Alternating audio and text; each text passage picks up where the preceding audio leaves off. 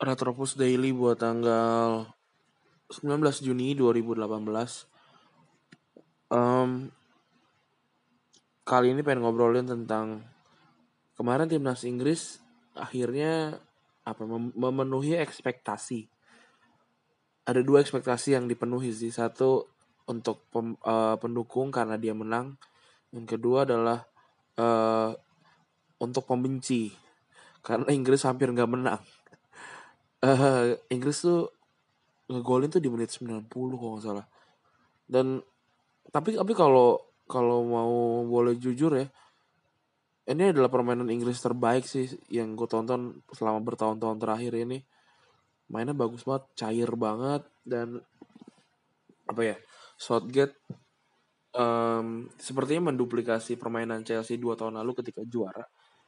Karena waktu itu Chelsea uh, mainin double gue gue ngomongnya double wingback gitu. Waktu itu Chelsea naruh Azpilicueta di jadi back tengah tapi di sisi kanan dan punya kebebasan untuk maju ke depan.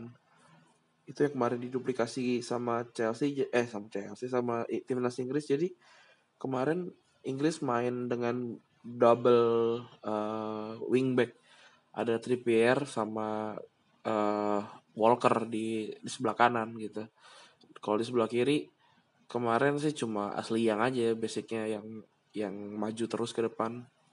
Uh, Stone sama Maguire tetap ada di belakang ketika build up serangan tapi ketika corner mereka berdua jadi sesuatu yang bahaya banget karena dua golnya um, Harry Kane itu di, dimulai dari dua back itu. Uh, dari sundulan yang berhasil ditepis atau sundulan yang diarahin ke Harry Kane itu sangat keren banget gitu.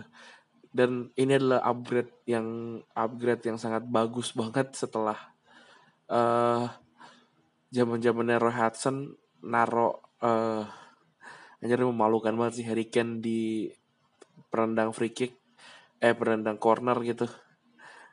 Sungguh sungguh perbuatan yang sangat sia-sia gitu karena Harry Kane adalah striker dengan kepala yang tajam banget dan ya akhirnya menang 2-1 meskipun seperti tidak memuaskan para fans. Atau jangan udah udah puas sih. Yang penting Inggris nggak malu-maluin lawan Tunisia gitu. Dan beberapa skor skor lain ya lu bisa lihat lah di uh, di live score gitu-gitu ya. Uh, nggak nggak begitu banyak um, skor yang mengejutkan.